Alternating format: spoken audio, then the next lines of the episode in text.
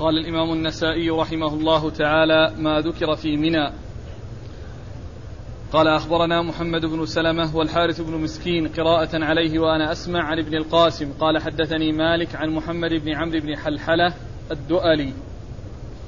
عن عن محمد بن عمران الأنصاري عن أبيه أنه قال عدل إلي عبد الله بن عمر رضي الله عنهما وأنا نازل تحت سرحة بطريق مكة. فقال ما أنزلك تحت هذه الشجرة؟ فقلت أنزلني ظلها. قال عبد الله فقال رسول الله صلى الله عليه وآله وسلم إذا كنت بين الأخشبين من منى ونفخ بيده نحو المشرق فإن هناك واديا يقال له السر السربة. وفي حديث الحارث يقال له السرر. به سرحة سر تحتها سبعون نبيا. بسم الله الرحمن الرحيم. الحمد لله رب العالمين وصلى الله وسلم وبارك على عبده ورسوله نبينا محمد وعلى آله وأصحابه أجمعين. أما بعد يقول النسائي رحمه الله ما ذكر في منى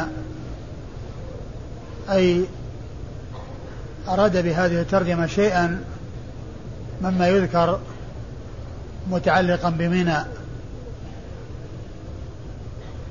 وأورد النسائي تحت هذه الترجمة حديث عبد الله بن عبد الله بن عمر رضي الله تعالى عنهما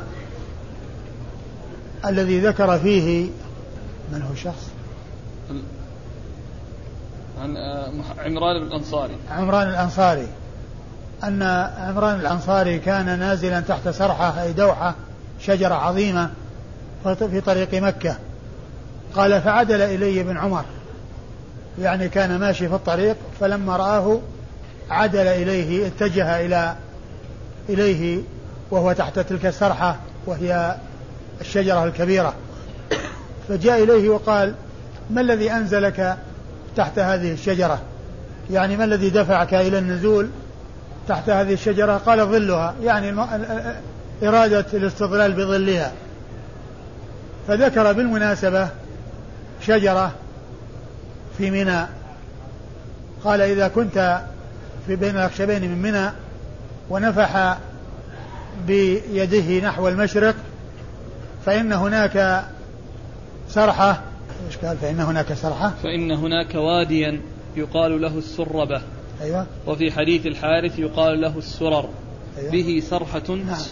فإن هناك واد يقال له السربة. وفي رواية أو في حديث آه حديث من هو؟ الحارث. الحارث نعم. آه، الحارث وفي حديث الحارث يعني بالمسكين آه، السرر تحت فيه أي ذلك الوادي سرحة أي شجرة كبيرة سر تحتها سبعون نبيا أي ولد تحتها سبعون نبيا وقطعت سررهم. وقطعت سررهم آه المقصود مقصود النسائي من هذه الترجمة يعني ذكر شيء يتعلق بمنى. وعبد الله بن عمر ذكر السرحة بمناسبة السرحة. السرحة العظيمة التي كانت التي كانت تحتها ذلك الرجل في طريق مكة. والشيء بالشيء يذكر كما يقولون فذكر السرحة التي تكون بمنى والتي تكون في ذلك الوادي. لكن الحديث ليس بصحيح لأن فيه رجل مجهول ورجل يحتاج إلى متابعة ولا يحتج بهذا الحديث ولا يعول عليه لأن هذا إخبار بأمور مغيبة وأنه ولد تحت هذه الشجرة سبعون نبيا ومثل هذا لا يثبت وكذلك غيره لا يثبت إلا بالطرق الصحيحة وهذا الطريق الذي جاء فيه الحديث لا يحتج به لأن فيه مجهول لا يعول على حديثه وفيه أيضا مقبول لا يعول على حديثه إلا عند المتابعة. فالحديث غير صحيح وغير ثابت. وأما إسناد الحديث أخبرنا محمد بن سلمة والحارث بن مسكين. محمد بن سلمة المرادي المصري ثقة أخرج حديث مسلم وأبو داود والنسائي بن ماجه. والحارث المسكين المصري أيضا ثقة أخرج له أبو داود والنسائي. عن ابن القاسم. عن ابن القاسم عبد الرحمن بن القاسم صاحب الإمام مالك وهو ثقة أخرج حديثه البخاري وأبو داود في المراسيل وأبو, دا وأبو داود في المراسيل والنسائي والنسائي نعم. عن مالك. عن مالك بن أنس إمام دار الهجرة المحدث الفقيه الإمام المشهور أحد أصحاب المذاهب الأربعة مشهورا مذاهب أهل السنة وحديثه عند أخرجه أصحاب الكتب الستة. عن محمد بن عمرو بن حلحلة. عن محمد بن عمرو بن حلحلة وهو ثقة أخرج له البخاري ومسلم وأبو داود والنسائي. وهو ثقة أخرجه البخاري ومسلم وأبو داود والنسائي. عن محمد بن عمران الأنصاري. عن محمد بن عمران الأنصاري وهو مجهول أخرج حديثه أبو داود النسائي وحده. أخرج حديثه النسائي وحده. عن أبيه. عن أبيه عمران الأنصاري وهو مقبول وأخرج حديثه النسائي نعم وحده أخرج حديثه النسائي وحده عن عبد الله. عن عبد الله بن عمر بن الخطاب رضي الله تعالى عنهما صاحب رسول الله عليه الصلاة والسلام وأحد العباد له الأربعة من أصحابه الكرام وأحد السبعة المعروفين بكثرة الحديث عن النبي صلى الله عليه وسلم. قال أخبرنا محمد بن حاتم بن, بن نعيم. أو نعيم؟ نعيم. مضبوط. ونعيم. مضبوط بالتكبير نعيم. التكبير ولا بالتصغير؟ هو الضبط الضبط لكن الظاهر الصحيح نعيم. الشكل؟ إيه؟ لا لا هو نعيم. محمد بن قال أخبرنا محمد بن حاتم بن نعيم. قال أخبرنا سويد قال أخبرنا عبد الله عن عبد الوارث ثقة. قال حدثنا حميد الأعرج عن محمد بن إبراهيم التيمي عن رجل منهم يقال له عبد الرحمن بن معاذ رضي الله عنه أنه قال خطبنا رسول الله صلى الله عليه وآله وسلم بمنى ففتح الله أسماعنا حتى إن كنا لنسمع ما يقول ونحن في منازلنا. فطفق, فطفق النبي صلى الله عليه وآله وسلم يعلمهم مناسكهم حتى بلغ الجمار. فقال بحصى الخذف وأمر المهاجرين أن ينزلوا في مقدم المسجد وأمر الأنصار أن ينزلوا في مؤخر المسجد. ثم ورد النسائي حديث يتعلق بمنى أو مما يذكر في منى ويتعلق بخطبة النبي صلى الله عليه وسلم بمنى. وقد أورد فيه النسائي حديث عبد الرحمن بن معاذ التيمي أن النبي عليه الصلاة والسلام خطبهم في منى ففتح الله أسماعهم فسمعوا صوته وخطبته صلى الله عليه وسلم وهم في منازلهم. وكان مما ذكره في هذه الخطبة أنه بين لهم حصى الجمار ومقداره وأنه مثل حصى الخذف وهو الذي يعني يخذف به بين بين الأصبعين لصغره وهو دون وهو فوق, فوق الحمص ودون البندق.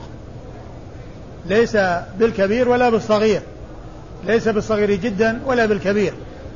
وإنما هو حصى متوسط أكبر من الحمصة ودون البندقة. فحجمه قال مثل حصى الخذف وهو الحصاة التي يخذف بها بين الإصبعين.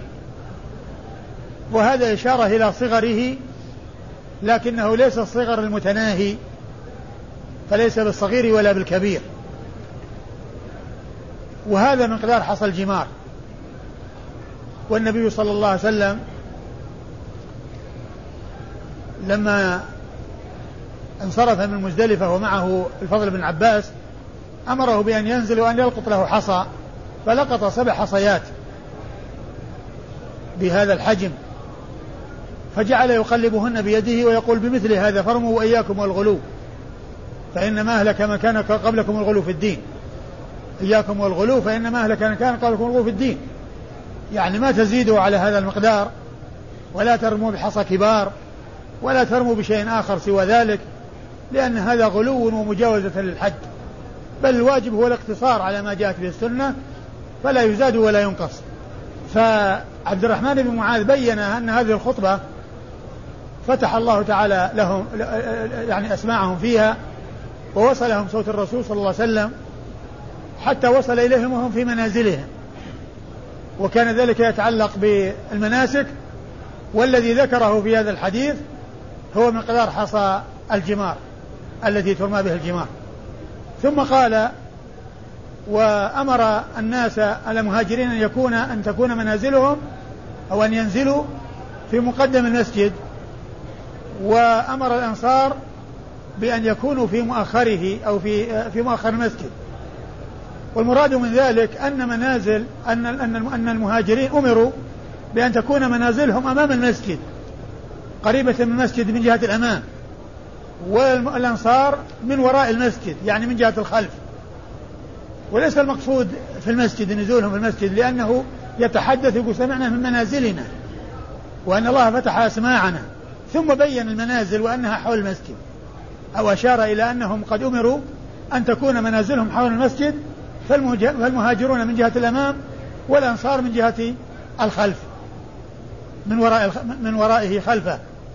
وقد أوضح ذلك أبو داود في سننه حيث روى الحديث فقال إن نزول المهاجرين كان في مقدم المسجد والأنصار من وراء المسجد والأنصار من وراء المسجد وغيرهم وراء ذلك. وغيرهم أي غير المهاجرين والأنصار وراء المهاجرين والأنصار. يعني هذا الكلام الذي قاله يعني أمر أو أمر الناس أو أمر الناس أن يكون منازلهم كذا إشارة إلى ذكر المنازل التي قال إن, إن الله فتح أسماع أسماعنا حتى سمعنا ونحن في منازلنا فبين أن المنازل هي منها ما هو مقدم المسجد يعني أمامه ومنها ما هو مؤخر المسجد وراءه وأن المهاجرين كانوا يعني آه، آه، أمام المسجد والأنصار كانوا وراء المسجد ومنازل غير المهاجرين والأنصار كانت وراء ذلك كانت وراء ذلك. قال أخبرنا محمد بن حاتم بن نعيم. أخبرنا محمد بن حاتم بن نعيم المروزي وهو ثقة أخرج حديثه النسائي وحده. عن سويد. عن سويد بن نصر المروزي ثقة أخرج حديثه الترمذي والنسائي. عن عبد الله. عن عبد الله وهو بن المبارك المروزي وهو ثقة أخرج حديثه أصحاب الكتب الستة. عن عبد الوارث. عن عبد الوارث بن سعيد العنبري وهو ثقة أخرج له أصحاب الكتب الستة. عن حميد الأعرج. عن حميد الأعرج وهو حميد بن قيس الأعرج وهو لا بأس به وأخرج حديثه أصحاب الكتب الستة وكلمة لا بأس به أو ليس به بأس تعادل صدوق. عن محمد بن إبراهيم التيمي. عن محمد بن إبراهيم التيمي وهو ثقة أخرج له أصحاب الكتب الستة. عن عبد الرحمن بن معاذ. عن عبد عن عبد الرحمن بن معاذ التيمي. عن عبد الرحمن بن معاذ التيمي وهو صحابي صغير أخرج حديثه؟ أبو داود والنسائي. أخرج حديثه أبو داود والنسائي. أبو داود النسائي ها؟ أبو داود النسائي نعم. قال عن صحابي صغير؟ نعم. هو هذا؟ أقول هو هذا اللي قال عن صحابي صغير؟ قال عنه صحابي فقط. بس صحابي. نعم. صحابي نعم. شهيد الفتح وله نعم. حديث. نعم صحابي. صحابي صغير آخر سيأتي. قال أين يصلي الإمام أين يصلي الإمام الظهر يوم التروية. قال أخبرنا محمد بن إسماعيل بن إبراهيم وعبد الرحمن بن محمد بن سلام قال حدثنا إسحاق الأزرق عن سفيان الثوري عن عبد العزيز بن رفيع قال سألت أنس بن مالك رضي الله عنه فقلت أخبرني بشيء عقلته عن رسول الله صلى الله عليه وآله وسلم. أين صلى الظهر يوم التروية؟ قال بمنى. فقلت أين صلى العصر يوم النفر؟ قال بالأبطح. ثم ورد النسائي آه أين أين؟ أين يصلي الإمام الظهر يوم التروية؟ أين يصلي الإمام الظهر يوم التروية؟ يعني هل يكون في منى أو في غير منى؟ هو في منى.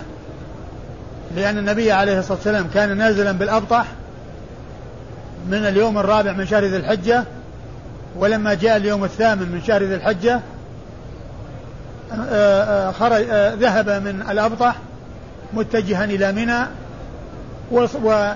ونزل فيه وصلى الظهر. وصلى الظهر بمنى. فكان عليه الصلاة والسلام صلى خمسة أوقات في منى قبل يوم عرفة. الظهر والعصر والمغرب والعشاء والفجر. وأول صلاة صلاها في منى هي الظهر. وهكذا السنة للحجاج أن يكونوا بمنى وقت الظهر وأن تكون صلاتهم الظهر بمنى. وإذا كانوا موجودين في منى قبل ذلك من أجل النزول فلا بأس.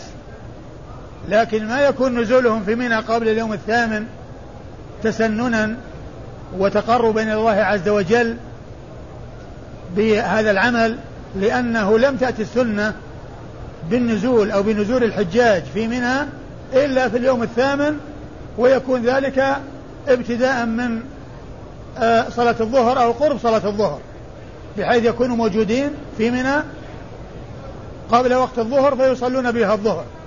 وأما إذا أرادوا أن ينزلوا بمنى قبل يوم يوم يوم التروية لا بأس لهم أن ينزلوا. لكن هذا النزول لا علاقة له بالحج. مثل لو إنسان ذهب في أي وقت من السنة ونزل في عرفة ولا نزل في منى يعني يستريح أو يجلس هكذا هذا نزول لا علاقة له بالنسك ولا علاقة له بالقربة بل هو نزول كالنزول في البر أو في أي مكان ما له علاقة في الأنساك لا بأس لهم أن ينزلوا و و ولكن إذا جاء وقت الظهر يكونون محرمين بالحج ويصلون الظهر وهم محرمون ويصلون الظهر وهم محرمون لأن النبي صلى الله عليه وسلم صلى الظهر بمنى هو وأصحابه الذين كانوا معه بالأبطح. وبهذا يتبين أن السنة هي الصلاة بمنى الظهر وأن يكون الإنسان من الظهر وهو موجود في منى ويكون محرما. وقد أورد النسائي حديث أنس بن مالك رضي الله عنه أنه سئل أو سأله آه، عبد العزيز بن رفيع عن شيء عقلته من رسول الله صلى الله عليه وسلم أين صلى الظهر في يوم التروية؟ قال في منى. قال وأين صلى العصر يوم النفر؟ قال بالأبطح. يعني معناه أن النبي عليه الصلاة والسلام جاء إلى منى قبل صلاة الظهر في اليوم الثامن وصلى فيها الظهر. ولما رمى الجمار في اليوم الثالث عشر لما رمى الجمار في اليوم الثالث عشر وصلى الظهر اتجه إلى إلى الأبطح وصلى فيه العصر. أي أنه خرج من منى بعد صلاة الظهر وبعد رمي الجمار في اليوم الثالث عشر وصلى العصر بالأبطح. المكان اللي كان نازلين به قبل الحج. وعلى هذا فإن الرسول صلى الله عليه وسلم تأخر وما تعجل لأنه جلس في منى اليوم الحادي عشر والثاني عشر والثالث عشر ورمى الجمار في اليوم الثالث عشر ثم ذهب إلى وصلى الظهر ثم ذهب إلى الأبطح ونزل فيه. فإذا بين أنس رضي الله عنه أن النبي صلى الله عليه وسلم كان في الأبطح قبل الحج وخرج منه وصلى الظهر بمنى. وكان ساكنا بمنى في أيام في, في, في يوم العيد وأيام التشريق وخرج منه بعدما صلى الظهر بعدما رمى الجمار وصلى الظهر وأتى إلى الأبطح وصلى فيه العصر. قال أخبرنا محمد بن إسماعيل بن إبراهيم. أخبرنا محمد بن إسماعيل بن إبراهيم بن علية المشهور أبوه بن علية وهو ثقة أخرج حديثه النسائي وحده. وعبد الرحمن بن محمد بن سلام. وعبد الرحمن بن محمد بن سلام وهو صدوق أخرج حديثه أو لا بأس به. لا بأس به. لا بأس به وهو بمعنى صدوق أخرج حديثه. أبو داود والنسائي. أخرج حديثه أبو داود والنسائي. عن عن إسحاق الأزرق. عن إسحاق بن يوسف الأزرق وهو ثقة أخرج حديث أصحاب الكتب الستة. عن سفيان الثوري. عن سفيان بن سعيد بن مسروق الثوري ثقة فقيه. ثبت وصف بأنه أمير المؤمنين في الحديث وحديث أخرج أصحاب الكتب الستة. عن عبد العزيز بن رفيع. عن عبد العزيز بن رفيع وهو ثقة أخرج حديث أصحاب الكتب الستة. عن أنس. عن أنس بن مالك رضي الله عنه صاحب رسول الله صلى الله عليه وسلم وأحد السبعة المعروفين بكثرة الحديث عن النبي عليه الصلاة والسلام قال الغدو من منى إلى عرفة قال أخبرنا يحيى بن حبيب بن عربي قال حدثنا حماد عن يحيى بن سعيد الأنصاري عن عبد الله بن أبي سلمة عن ابن عمر رضي الله عنهما أنه قال غدونا مع رسول الله صلى الله عليه وآله وسلم من منى إلى عرفة فمنا الملبي ومنا المكبر. ثم أورد النبي صلى الله عليه وسلم هذا الترجمة هو الغدو من من من منى إلى عرفة. يعني الذهاب في الغداء. الغدو هو الذهاب في الغداة يعني في الصباح. يعني آه في صباح يوم عرفة وبعد طلوع الشمس خرج النبي صلى الله عليه وسلم من منى متجها إلى عرفة. والحديث حديثه حديث ابن عمر. ثم أورد النسائي حديث ابن عمر وأنهم خرجوا مع النبي صلى الله عليه وسلم. قال غدونا؟ نعم. قال غدونا يعني ذهبنا في الغداة لأن ما قبل الظهر يقال له غداة وما بعد الظهر يقال له رواح ويقال له عشي. يقال له رواح ويقال له عشي. ولهذا يقال إحدى صلاتي العشي يعني الظهر والعصر. إحدى صلاتي العشي. وقال غدونا مع رسول الله صلى الله عليه وسلم يعني يوم عرفة يعني في الصباح. فمنا الملبي ومنا المكبر. يعني معناه أنه فيهم من يلبي وفيهم من يكبر. لكن ليس معنى هذا أنهم منقسمون إلى قسمين. قسم يلبون فقط وقسم يكبرون فقط. وإنما يسمع منهم التكبير والتلبية. يسمعون التلبية ويسمعون التكبير. ولا يعني هذا أن الإنسان له أن يلبي فقط ولا يكبر أو يكبر فقط ولا يلبي بل يجمع بين التلبية والتكبير ويسمع منهم التكبير والتلبية. ومعنى هذا أن الإنسان يمكن أن الإنسان يجمع بينهما في فيلبي كثيرا ويتخلل تكبيره تلبيته تكبير ويتخلل تلبيته تكبيرا. فيكون كل واحد يلبي ويكبر. وليس مع وهذا هو معنى قوله منا الملبي ومنا المكبر. يعني معناه أنهم يسمعون اللي يلبي ويسمعون اللي يكبر. لكن ليس معنى ذلك أن الناس مخيرين إما هذا وإما هذا. بل إما تلبية وإما وإما تكبير لا. بل تكبير وتلبية. تكبير وتلبية. والتلبية تكون أكثر ويتخللها تكبير. نعم. قال أخبرنا يحيى بن حبيب بن عربي أخبرنا يحيى بن حبيب بن عربي البصري ثقة أخرج حديثه مسلم وأصحاب السنن الأربعة. عن حماد. عن حماد بن زيد ثقة أخرج له أصحاب الكتب الستة. عن يحيى بن سعيد الأنصاري. عن يحيى بن سعيد الأنصاري وهو ثقة أخرج حديثه أصحاب الكتب الستة. عن عبد الله بن أبي سلمة. عن عبد الله بن أبي سلمة الماجشون وهو ثقة أخرج حديثه مسلم وأبو داود والنسائي. مسلم وأبو داود والنسائي. عن ابن عمر. عن ابن عمر وقد مر ذكره. قال أخبرنا يعقوب بن إبراهيم الدورقي قال حدثنا هشيم قال أخبرنا يحيى عن عبد الله بن أبي سلمة عن ابن عمر رضي الله عنهما أنه قال غدونا مع رسول الله صلى الله عليه وآله وسلم إلى عرفات فمنا الملبي ومنا المكبر. ثم ورد النسائي حديث ابن عمر وهو مثل الذي تقدم. غدوا مع النبي صلى الله عليه وسلم إلى عرفات يعني في الغداة وفيهم الملبي وفيهم المكبر. نعم. قال أخبرنا يعقوب بن إبراهيم الدورقي يعقوب بن إبراهيم الدورقي ثقة أخرج حديثه أصحاب الكتب الستة بل هو شيخ لأصحاب الكتب الستة روى عنه مباشرة وبدون واسطة. عن هشيم عن هشيم بن بشير الواسطي وهو ثقة كثير التدليس والإرسال الخفي وحديثه أخرجه أصحاب الكتب الستة.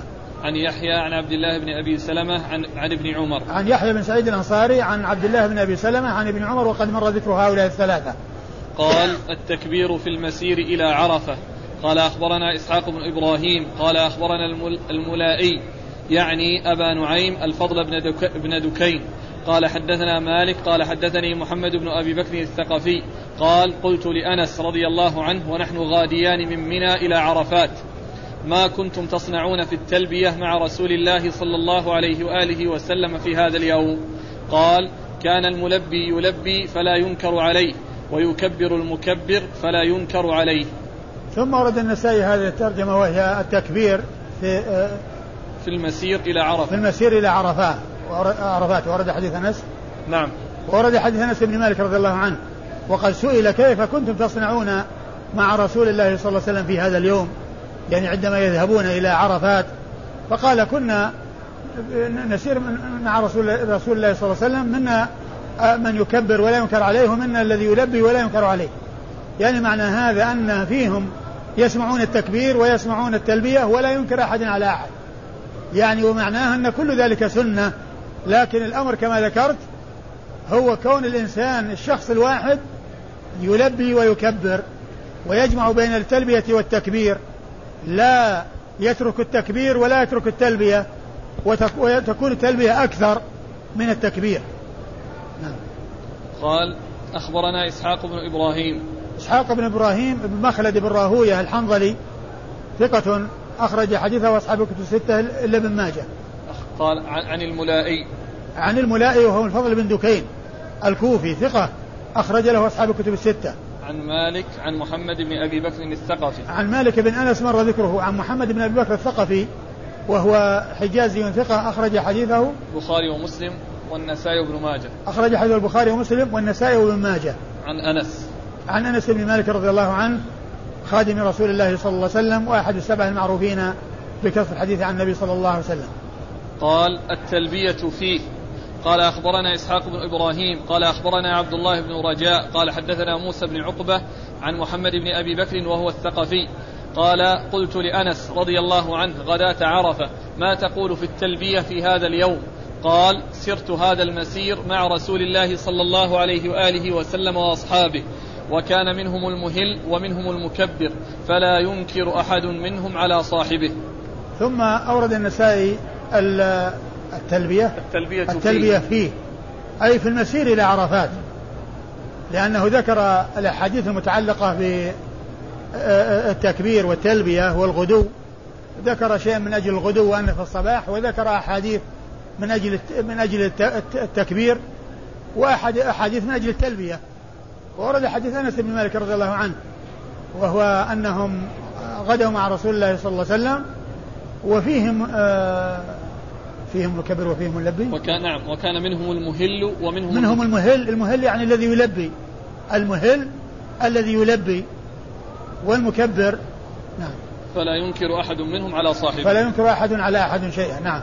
قال أخبرنا إسحاق بن إبراهيم عن عبد الله بن رجاء. عبد إسحاق بن إبراهيم مر ذكره. عبد الله بن رجاء المكي. نعم. أخرج له حديثه البخاري في جزء القراءة ومسلم وأبو داود والنسائي وابن ماجه. البخاري في جزء القراءة ومسلم وأبو داود والنسائي وابن ماجه. عن موسى بن عقبة. عن موسى بن عقبة وهو ثقة أخرج حديث أصحاب الكتب الستة. عن محمد بن أبي بكر الثقفي عن أنس. عن محمد بن أبي بكر الثقفي عن أنس وقد مر ذكرهما. قال ما ذكر في يوم عرفة قال أخبرنا إسحاق بن إبراهيم قال أخبرنا عبد الله بن إدريس عن أبيه عن قيس بن مسلم عن طارق بن شهاب رضي الله عنه أنه قال قال يهودي لعمر رضي الله عنه لو علينا نزلت هذه الآية لاتخذناه عيدا. اليوم أكملت لكم دينكم. قال عمر قد علمت اليوم الذي أنزلت فيه والليلة التي أنزلت ليلة الجمعة ونحن مع رسول الله صلى الله عليه وآله وسلم بعرفات. ثم ورد النسائي ما ذكر في يوم عرفة يعني مما يتعلق به.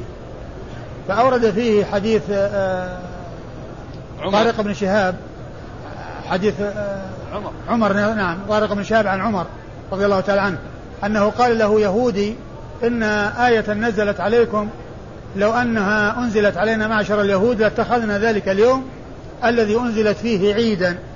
فقال عمر رضي الله عنه إنني لا أعرف اليوم الذي نزلت فيه وجاء في بعض الروايات بعض الأحاديث والمكان الذي نزلت فيه. آه نزلت الرسول صلى الله عليه وسلم واقف بعرفة.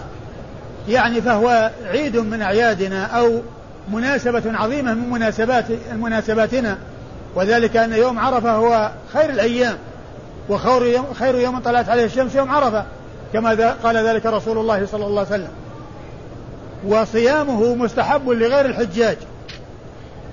وهو خير صيام التطوع لغير الحجاج. لأنه جاء عن النبي صلى الله عليه وسلم أنه يكفر السنة الماضية والآتية. فأفضل يوم يصام تطوعا هو يوم عرفة. فهو يوم عظيم لأهل الإسلام. وأما بالنسبة للحجاج فإنه لا فإن فإنه فإن الأفضل في حقهم ألا يصوموه. وأن يكونوا مفطرين في ذلك اليوم. لأن النبي عليه الصلاة والسلام كان مفطرا كما سبق أن مر بنا أن بعض الصحابة تحدثوا هل الرسول مفطر أو غير مفطر هل هو صائم أو غير صائم فأخذت لبابة بنت الحارث الهلالية قدحا من لبن وقالت ناولوه إياه. ليتبين أنه صائم وغير صائم فأعطوه إياه فشرب وهو على ناقته فعرف الناس أنه مفطر عليه الصلاة والسلام. ثم أيضا جاء في الحديث أن يوم عرفة والنحر وأيام التشريق عيد أهل الإسلام وهي أيام أكل وشرب. ويوم عرفة هو أكل يوم أكل وشرب بالنسبة للحجاج. وبالنسبة لغير الحجاج الأفضل لهم أن يصوموه. وهو خير خير يوم يصام تطوعا.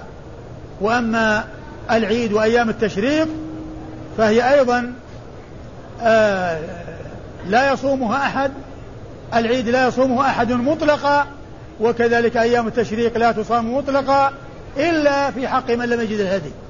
فإنه له أن يصوم أيام التشريق. لم يرخص في أيام التشريق أن يصمنا إلا لمن لم يجد الهدي. لم يرخص في أيام التشريق أن يصمنا إلا لمن لم يجد الهدي. وقد جاء في الحديث أنها عيد أهل الإسلام يعني يوم عرفة فهو يوم عظيم ومناسبة عظيمة لنا وهو خير الأيام. وأفضل الأيام. وخير يوم طلعت عليه الشمس يوم عرفة. كما قال ذلك رسول الله صلى الله عليه وسلم. فهو يوم عظيم من أيام المسلمين. نعم. قال أخبرنا إسحاق بن إبراهيم عن عبد الله بن إدريس. آه، أخبرنا إسحاق بن إبراهيم مر ذكره عن عبد الله بن إدريس ابن يزيد الأودي وهو ثقة أخرج حديث أصحاب الكتب الستة. عن أبيه وهو ثقة أخرج حديث أصحاب الكتب الستة. عن قيس بن مسلم. عن قيس ابن مسلم وهو ثقة أخرج حديث أصحاب الكتب. نعم. أخرج حديث أصحاب الكتب الستة. عن طارق بن شهاب. عن طارق بن شهاب وهو صحابي صغير وهو صحابي رأى النبي صلى الله عليه وسلم ولم يسمع منه وحديثه أخرجه أصحاب الكتب الستة. عن عمر. عن عمر بن الخطاب رضي الله عنه. آه، أمير المؤمنين وثاني الخلفاء الراشدين الهادين المهديين ذي المناقب الجمة والفضائل الكثيرة وحديثه أخرجه أصحاب الكتب الستة. شيخ دلالة الآية اليوم أكملت لكم دينكم. نعم الآية تدل على أن الله عز وجل أكمل الدين وأتمه. أكمل الدين وأتم النعمة. فدين الإسلام كامل لا نقص فيه بوجه من الوجوه. وشريعة الله عز وجل كملت.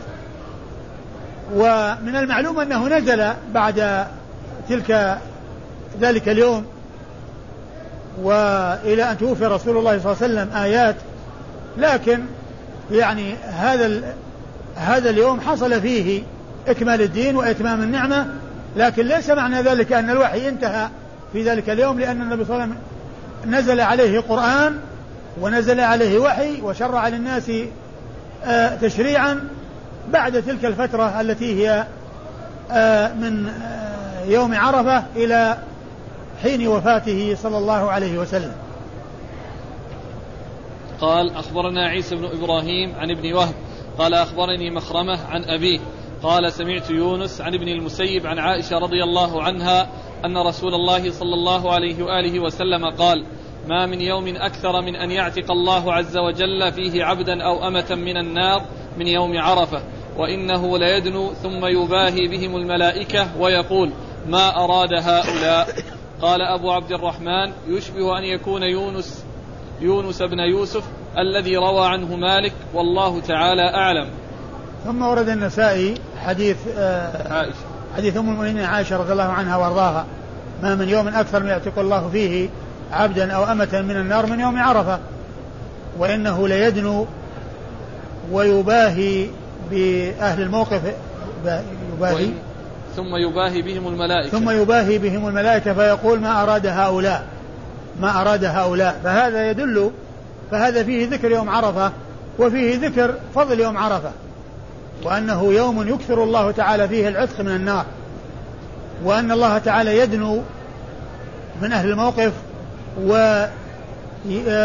ويباهي الملائكة بهم فيقول ما أراد هؤلاء؟ ما أراد هؤلاء؟ وفي الحديث ذكر الدنو وهو صفة لله عز وجل يدنو كيف يشاء.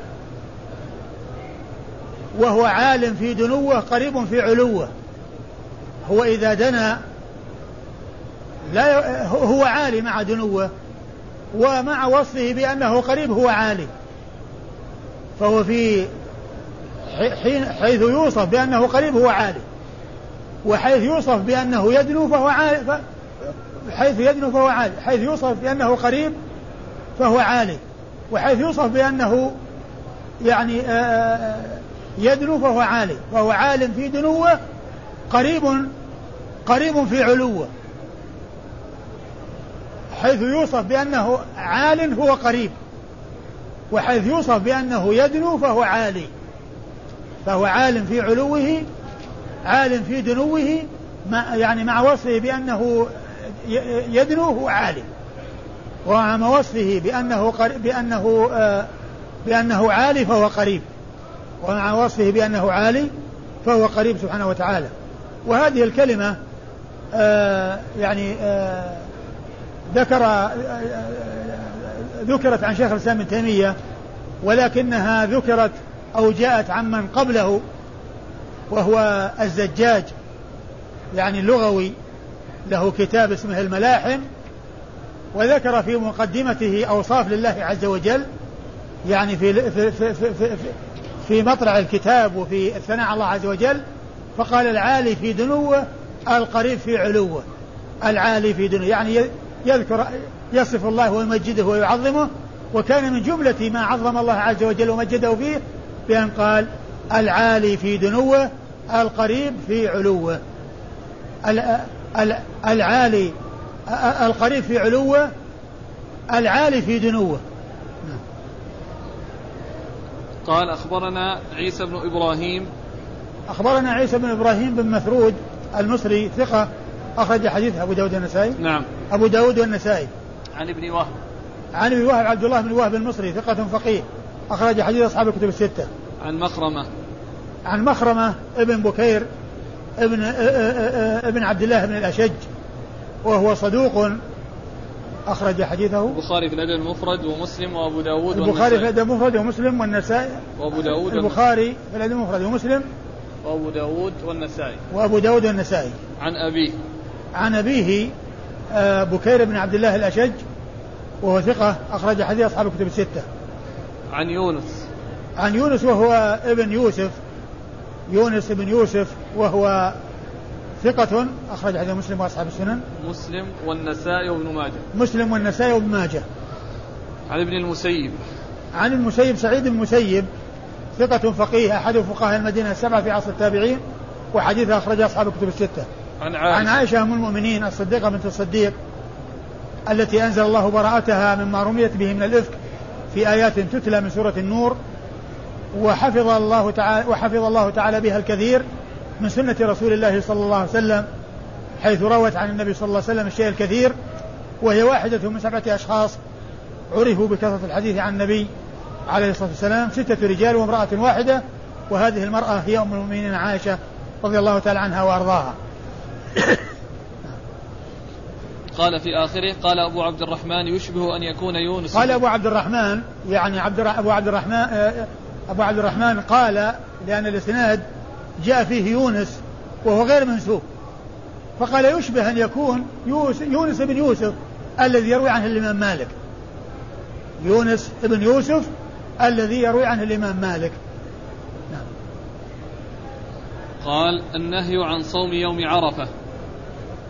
قال أخبرني عبيد الله بن فضالة ابن إبراهيم قال أخبرنا عبد الله وهو ابن يزيد المقرئ ابن يزيد المقرئ قال حدثنا موسى بن علي قال سمعت أبي يحدث عن عقبة بن عامر رضي الله عنه أن رسول الله صلى الله عليه وآله وسلم قال إن يوم عرفة ويوم النحر وأيام التشريق عيدنا أهل الإسلام وهي أيام أكل وشرب. ثم ذكر النسائي هذا الترجمة وهي النهي عن صوم يوم عرفة. أي بعرفة. النهي عن صوم يوم عرفة أي بعرفة. يعني معناه أن الحجاج لا يصومون يوم عرفة وهم حجاج بعرفة. لكن غير الحجاج يستحب لهم أن يصوموا يوم عرفة. يستحب لهم أن يصوم عرفة بل صيامه خير الصيام خير صيام التطوع. لأنه جاء عن النبي صلى الله عليه وسلم أنه يكفر السنة الماضية والسنة الآتية. فهو أفضل يوم يصام تطوعا وهذا بالنسبة لغير الحجاج. أما بالنسبة للحجاج فالذي ينبغي في حقهم أن يكونوا مفطرين لا صائمين. حتى ينشطوا في ذلك اليوم على الذكر والدعاء والابتهال لله عز وجل. ما يكونوا صائمين يكونوا صائمين فيصيبهم كسل وقد يحصل عندهم نوم فيغفلون في هذه الدقائق وهذه الساعات الثمينة النفيسة. وإنما يكونوا مفطرين ليكون أنشط لهم وأقوى. وقد أورد النسائي حديث عقبة بن عامر. حديث عقبة بن عامر الجهني رضي الله عنه أن النبي صلى الله عليه وسلم قال يوم عرفة ويوم النحر وأيام التشريق عيدنا أهل الإسلام وهي أيام أكل وشرب. وهذا بالنسبة للحجاج. الحجاج يعني لا يصومون يوم عرفة. وغير الحجاج والحجاج وغير الحجاج لا يصومون يوم العيد ولا أيام التشريق. إلا من لم يجد الهدي من الحجاج فإنه يجوز له أن يصوم أيام التشريق. لأنه قد ثبت أنه لم يرخص في أيام التشريق أن يصمن إلا لمن لم يجد الهدي. أيام التشريق لا يجوز صيامهن ويستثنى من ذلك من لم يجد الهدي وهو الذي قال الله عز وجل فمن, فمن لم يجد فصيام ثلاثة أيام في الحج وسبعة إذا رجعتم يجوز للإنسان أن يصوم يوم 11 و12 و13 لكن ما يصوم يوم العيد. والأفضل أن يكون صيام من لم يجد الهدي قبل يوم قبل يوم عرفة. قبل يوم عرفة يوم ستة سبعة ثمانية أو قبل ذلك يعني قريبا من الحج. لكن من لم يصم قبل الحج جاز له أن يصوم يوم أيام التشريق الحادي عشر والثاني عشر والثالث عشر. وإذا فأطلق على يوم عرفة بأنه يوم عيد وأنه من أعيادنا إلا أنه آه، وهو خير وهو خير الأيام إلا أنه الحجاج آه، آه، لا يصومونه ليكون أنشط له وأقوى وأما غير الحجاج فالأفضل في حقهم أن يصوموه بل صيامهم إياه أي هذا اليوم خير يوم يصام تطوعا. قال أخبرني عبيد الله بن فضالة بن إبراهيم. أخبرني عبيد الله بن فضالة بن إبراهيم وهو ثقة أخرج حديثه. النسائي وحده. أخرج حديثه النسائي وحده. عن عبد الله وهو بن يزيد المقري. عن عبد الله بن يزيد المقري المكي ثقة أخرج حديثه أصحاب الكتب الستة. عن موسى بن علي. عن موسى بن علي وهو ثقة أخرج حديثه. وهو أحسن الله إليك. صدوق ربما صدوق. أخطأ. صدوق ربما أخطأ. أخرج حديثه. البخاري في الأدب المفرد ومسلم وأصحاب السنن. البخاري في الأدب المفرد ومسلم وأصحاب السنن الأربعة. عن أبيه عن أبيه علي علي بن علي بن رباح اللخمي علي بن رباح وهو ثقة أخرج له نفس الذين أخرجوا لولده. نعم وهو ثقة أخرج حديث البخاري في الأدب المفرد ومسلم وأصحاب السنن الأربعة. عن عقبة بن عامر. عن عقبة بن عامر الجهني رضي الله عنه صاحب رسول الله عليه الصلاة والسلام وحديثه أخرجه أصحاب الكتب الستة. قال الرواح يوم الرواح يوم عرفة. قال أخبرنا يونس بن عبد الأعلى قال أخبرني أشهب. قال أخبرني مالك أن ابن شهاب حدثه عن سالم بن عبد الله. قال كتب عبد الملك بن مروان إلى الحجاج بن يوسف يأمره ألا يخالف ابن عمر في أمر الحج. فلما كان يوم عرفة جاءه ابن عمر حين زالت الشمس وأنا معه فصاح عند سرادقه أين هذا؟ فخرج إليه الحجاج وعليه ملحفة وعليه ملحفة معصفرة فقال له ما لك يا أبا عبد الرحمن؟ قال الرواح إن كنت تريد السنة. فقال له هذه الساعة؟ فقال له نعم. فقال أفيض علي ماء ثم أخرج إليك. فانتظره حتى خرج فسار بيني وبين أبي. فقلت إن كنت تريد أن تصيب السنة فأقصر الخطبة وعجل الوقوف. فجعل ينظر إلى ابن عمر كيما يسمع ذا كيما يسمع ذلك منه. فلما رأى ذلك ابن عمر قال صدق. ثم ورد النسائي الرواح إلى عرفة. الرواح إلى عرفة؟ نعم الرواح يوم عرفة. الرواح يوم عرفة. يعني الرواح هو الذهاب بعد الزوال لأن الغدو هو الذهاب في الصباح. ولهذا من منى قال غدونا يعني ذهبوا في الغداة يعني في الصباح. وبعد ما زالت الشمس يقال له رواح. بعد ما زالت الشمس يقال له رواح. والمقصود من هذا أنهم يعني كانوا يعني ذهبوا إلى إلى عرفة ونزلوا قبلها. يعني نزلوا قبل يوم عرفة قبل يعني أرض عرفة.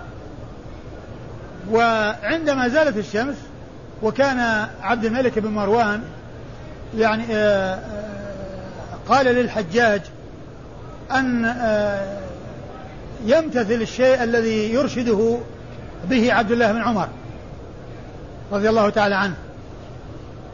فلما كانوا نازلين يعني قرب عرفة جاء إليه بعدما زالت الشمس وقال أين هذا؟ يعني يناديه ويخاطبه ويناديه.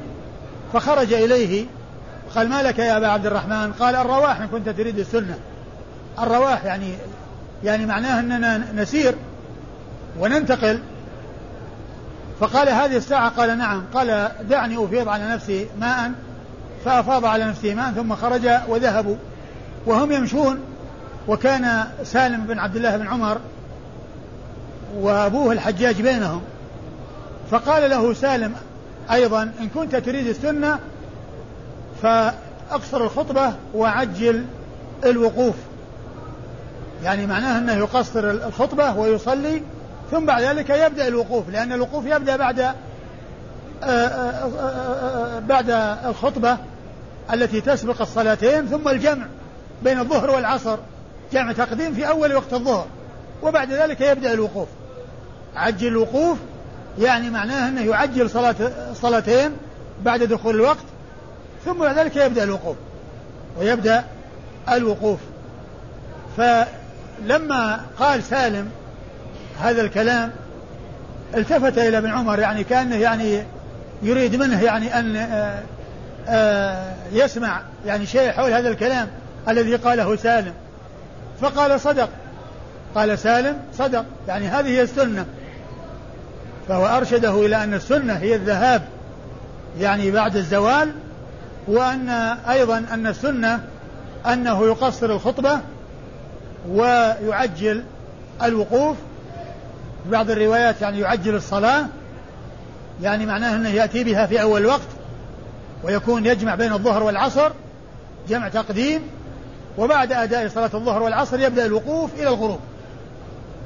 من صلاة الظهر والعصر في أول وقت الظهر يبدأ وقت الوقوف إلى غروب الشمس حيث يكون الانصراف حيث يكون الانصراف في حق الواقفين. أما الذين جاءوا متأخرين فإنه إلى طلوع الفجر كله وقت الوقوف. يعني من جاء متأخرا ولم يصل إلى عرفة في النهار يمكنه الوقوف بالليل إلى طلوع الفجر. وإذا طلع الفجر خلاص انتهى ما في وقوف. من فاته الوقوف فاته الحج.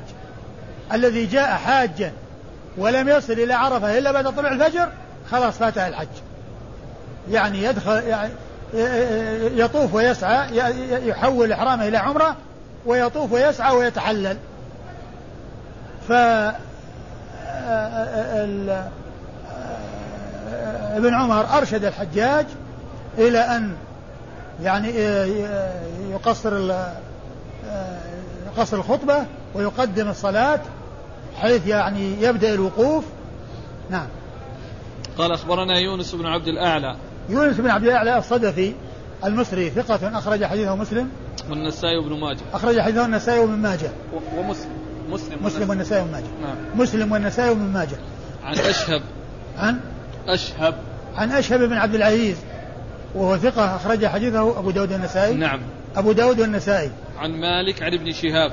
عن مالك قد مر ذكره. ابن شهاب هو محمد بن مسلم بن عبيد الله الزهري. ثقة فقيه أخرج حديث أصحاب الكتب الستة. عن سالم بن عبد الله. عن سالم بن عبد الله بن عمر بن الخطاب وهو وهو تابعي ثقة من فقهاء المدينة السبعة في عصر التابعين وحديثه أخرج من فقهاء المدينة السبعة في عصر التابعين على أحد الأقوال الثلاثة في السابع منهم وحديثه أخرجه أصحاب الكتب الستة. عن عبد الله بن عمر وقد مر ذكره. أحسن الله إليك. هو الحجاج يعني كان حاج محرم ولا؟ نعم هو حاج لأنه لأنه هو أمير الحاج وكان هو الذي يعني وقال الرواح إن كنت تريد السنة وقال له عج أقصر الخطبة وعجل الصلاة لأنه هو الذي يؤم الناس ويصلي بالناس لأنه هو نائب الخليفة. طيب هنا بارك الله فيك يقول وعليه ملحفة معصفرة نعم المعصفر والمزعفر ليس للإنسان يستعمله لا لا لا حاج ولا محرم لا لا لا محرم ولا غير محرم لكن يعني آه عمل الحجاج يعني كما هو معلوم ليس حجة. يعني بس هو من محظورات الإحرام؟ العصفر هذا ما هو من الطيب؟ المعصفر أنا قلت المعصفر الثوب المعصفر الثوب المعصفر المصبوغ وكذلك المزعفر كلها يستعملها حتى في غير الإحرام. حتى في غير حال الإحرام. يعني معناه باللون يعني لونه يعني يعني, يعني مصبوغ. به مصبوغ به. وهو من نوع الطيب يعني؟ بالصبغ. نعم. يعني ليس هو من نوع من نعم الطيب. هو هو يعني هو هو هو لا يستعمله لا المحرم ولا غير المحرم. لكن يعني هل طبعا هو الأصل له رائحة لكن هل هو يقل طيب؟ أو طبعا ممنوع منه المسلم مطلقا محرم وغير محرم. المعصفر لا يلبسه الإنسان لا يلبسه الرجال. مطلقة لا في إحرام ولا غير إحرام. قال التلبية بعرفة. قال أخبرنا أحمد بن عثمان بن حكيم الأودي. قال حدثنا خالد بن مخلد. قال حدثنا علي بن صالح عن ميسر بن حبيب عن المنهال بن عمرو عن سعيد بن جبير. قال كنت مع ابن عباس رضي الله عنهما بعرفات. فقال ما لي لا أسمع الناس يلبون. قلت يخافون من معاوية رضي الله عنه. فخرج ابن عباس من فسطاطه فقال لبيك اللهم لبيك لبيك. فإنهم قد تركوا السنة من بغض علي رضي الله عنه. ثم ورد النسائي التلبية في عرفات. المحرم من حين يحرم بالحج فإنه يلبي في جميع أحواله إلى أن يرمي جمرة العقبة. كل هذا وقت للتلبية. من حين يحرم إذا كان متمتعا وأحرم من مكة يبدأ بالتلبية فيلبي في منى في اليوم الثامن وليلة التاسع ويلبي في عرفة يوم عرفة ويلبي في مزدلفة ليلة مزدلفة ويلبي في طريقه إلى الجمرة يوم العيد وإذا رمى الجمرة أو جاء عند رمي الجمرة قطع التلبية. فكل هذا وقت للتلبية عرفة وغير عرفة. عرفة ومزدلفة ومنى من حين الإحرام إلى رمي جمرة العقبة. كل هذا وقت للتلبية وهذه سنة رسول الله صلى الله عليه وسلم. أورد النسائي آه، آه، آه، أثر ابن عباس عن سعيد بن جبير أنه سأله أن, أن ابن عباس قال ما لي أرى الناس لا يلبون؟ ما لي أرى الناس لا يلبون؟ قال يخافون من معاوية. ولا أدري ما وجه هذا الخوف. السنة التلبية. كلام سعيد بن جبير هذا ما أدري ما وجهه. وأي شيء يخاف سنة رسول الله صلى الله عليه وسلم التلبية. في جميع الأوقات في عرفة وفي غير عرفة. من حين يحرم إلى أن يرمي جمرة العقبة. فلما فقام ابن عباس وخرج من فسطاطه يقول لبيك اللهم لبيك. ثم ذكر بعد ذلك في الآخر وهو يبدو أن كلام سعيد بن جبير متعلق تابع لكلام سعيد بن جبير وإنما الذي حصل من معاوية من ابن عباس هو التلبية فقط. وقال إنهم تركوا السنة من بغض علي من أجل بغض علي. وهذا كلام غير مستقيم. وعلي رضي الله تعالى عنه هو خير هذه الأمة بعد أبي بكر وعمر وعثمان. وحبه علامة الإيمان وبغضه علامة النفاق وكذلك الأنصار. وقد جاء في ذلك الحديث. فلا يحب يعني الأنصار وكذلك علي إلا مؤمن ولا يبغض الأنصار وكذلك علي إلا منافق. وبهذا جاءت الأحاديث عن رسول الله عليه الصلاة والسلام بالنسبة للأنصار وبالنسبة لعلي رضي الله عنه وأرضاه. لكن ذكر هذا البغض وذكر يعني ما إلى ذلك هذا غير مستقيم وغير واضح ولا وجه لما ذكر من جهة ترك السنة. فالسنة تفعل ولا علاقة لأحد من الناس فيها ولا علاقة للحب والبغض. ثم أيضا البغض الذي يوصف أهله بالنفاق هو البغض الذي يكون بسبب النصرة لأنه كما جاء في الحديث آية آية الإيمان علامة الأنصار آية آية الإيمان حب الأنصار وآية النفاق بغض الأنصار. يعني من أجل وصفهم بالنصرة من أجل أنهم نصروا الرسول صلى الله عليه وسلم. فالمنافقون هذا شأنهم. يبغض هم كفار يعني في الباطن ومسلمون في الظاهر ويبغضون من يكون يظهر الإسلام وسببا في إظهار الإسلام. والأنصار هم الذين نصروا الإسلام وأظهروا وكانوا سببا في ظهور الإيمان لأنهم نصروا الرسول صلى الله عليه وسلم. فمن يبغضهم من أجل نصرتهم فهو كذلك وكذلك علي ممن نصر الله تعالى به الدين. فمن أبغضه لذلك فإنه أيضا منافق لكن إذا حصل خلاف بين أحد من الناس ووجد شيء في النفوس من أجل خلاف يجري بين الناس في أمور دنيوية وما إلى ذلك فإن هذا البغض ليس من جنس البغض من أجل النصرة ومن أجل القيام بدين الله عز وجل. لكن ذكر البغض والحب وما إلى ذلك هنا في هذا المكان لا وجه له. وعلي رضي الله تعالى عنه محبته آه يحب لأنه من آه، أصحاب رسول الله صلى الله عليه وسلم ولكونه أمير المؤمنين وأحد الخلفاء الراشدين ويحب أيضا لقربه من رسول الله صلوات الله وسلامه وبركاته عليه ورضي الله تعالى عن علي وعن الصحابة أجمعين. أيوه الإسناد قال أخبرنا أحمد بن عثمان بن حكيم الأودي. وقد ذكر وهذا الذي ذكرته قد ذكره الحافظ بن حجر في فتح الباري عند شرح حديث آية الإيمان حب الأنصار وآية النفاق بغض الأنصار. يعني ذكر يعني أن الذي يكون نفاق وما يتعلق بسبب النصرة وأما إذا كان في أمور دنيوية وأمور خلاف يجري بين الناس وشيء يكون في النفوس من أجل أمور دنيوية تجري بين الناس فهذا لا علاقة له في النفاق. ذكر ذلك الحافظ بن حجر في فتح الباري عن عن القرطبي صاحب كتاب المفهم في شرح صحيح مسلم. نعم. قال أخبرنا أحمد بن عثمان بن حكيم الأودي. أخبرنا أحمد بن عثمان. أحمد بن عثمان بن حكيم الأودي وهو ثقة أخرج له البخاري ومسلم والنسائي وابن ماجه. ثقة أخرجه البخاري ومسلم والنسائي وابن ماجه. عن خالد بن مخلد. عن خالد بن مخلد القطواني وهو صدوق أخرج حديثه البخاري ومسلم وأبو داود في مسند مالك والترمذي والنسائي وابن ماجه. يعني أخرج حديث أصحاب الكتب الستة إلا أبا داود ففي مسند مالك. عن علي بن صالح. عن علي بن صالح بن حي وهو ثقة. نعم أخرج له, أخرج له مسلم, مسلم وأصحاب السنن. نعم. مسلم وأصحاب السنن الأربعة عن ميسر بن حبيب. عن ميسرة بن حبيب وهو صدوق أخرج له البخاري في الأدب المفرد وأبو داود والترمذي والنسائي. وهو صدوق أخرج حديث البخاري في الأدب المفرد وأبو داود والنسائي وابن ماجه. لا لا. وأبو داود والترمذي والنسائي. أخرج حديث البخاري الأدب المفرد وأبو, وأبو داود والترمذي. والترمذي والنسائي ليس فيهم ابن ماجه نعم.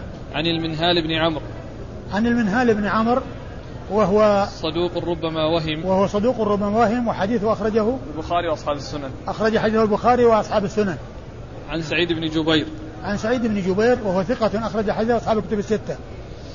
عن ابن عباس رضي الله تعالى عنهما وهو ابن عب... ابن عبد المطلب ابن عبد الله بن عباس بن عبد المطلب ابن عم النبي صلى الله عليه وسلم واحد العباد له الأربعة من أصحاب الكرام واحد السبعة المعروفين بكثرة الحديث عن النبي عليه الصلاة والسلام. باقي ثلاث دقائق. نكمل؟ وش باب؟ إيه. الخطبة بعرفة قبل الصلاة. في حديث واحد. أقرأ. قال الخطبة بعرفة قبل الصلاة.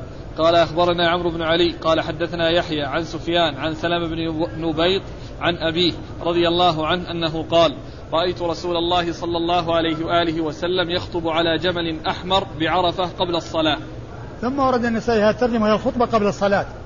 يعني الخطبة ليوم عرفة قبل الصلاة. يعني معناه أن الإمام يخطب ثم يصلي بالناس الظهر ركعتين ثم العصر ركعتين. فالخطبة تكون قبل الصلاة ولا تكون بعدها. الخطبة تكون قبل الصلاة ولا تكون بعدها وهي خطبة واحدة. يعني ليست كالجمعة خطبتان وإنما هي خطبة واحدة. تبين فيها المناسك ويبين فيها شيء من أمور الدين. نعم قال أخبرنا عمرو بن علي الاسناد والحديث وش قال؟ إيش؟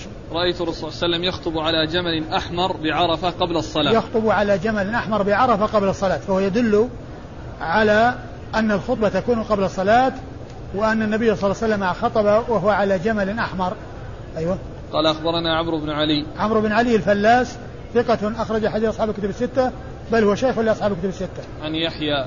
عن يحيى القطان ثقة أخرج حديث أصحاب الكتب الستة. عن سفيان. عن سفيان الثوري وقد مر ذكره. عن سلمة بن نبيت عن سلمة بن نبيط بن شريط وهو ثقة أخرج له أبو داود والترمذي في الشمائل والنسائي وابن ماجه. أخرج حديث أبو داود والترمذي في الشمائل والنسائي وابن ماجه. نعم. والنسائي وابن ماجه. عن أبيه. عن أبيه وهو صحابي. وهو صحابي صحابي صغير لعله هو يمكن لا والله أعلم. وهو صحابي أخرج حديثه مثل الذين أخرجوا نعم. الذين أخرجوا لابنه. أيوه. اللي بعده؟ أيوة. الخطبة يوم. ها؟ حديث مثله. أي هو نعم. نفسه نعم. نعم. أيوه.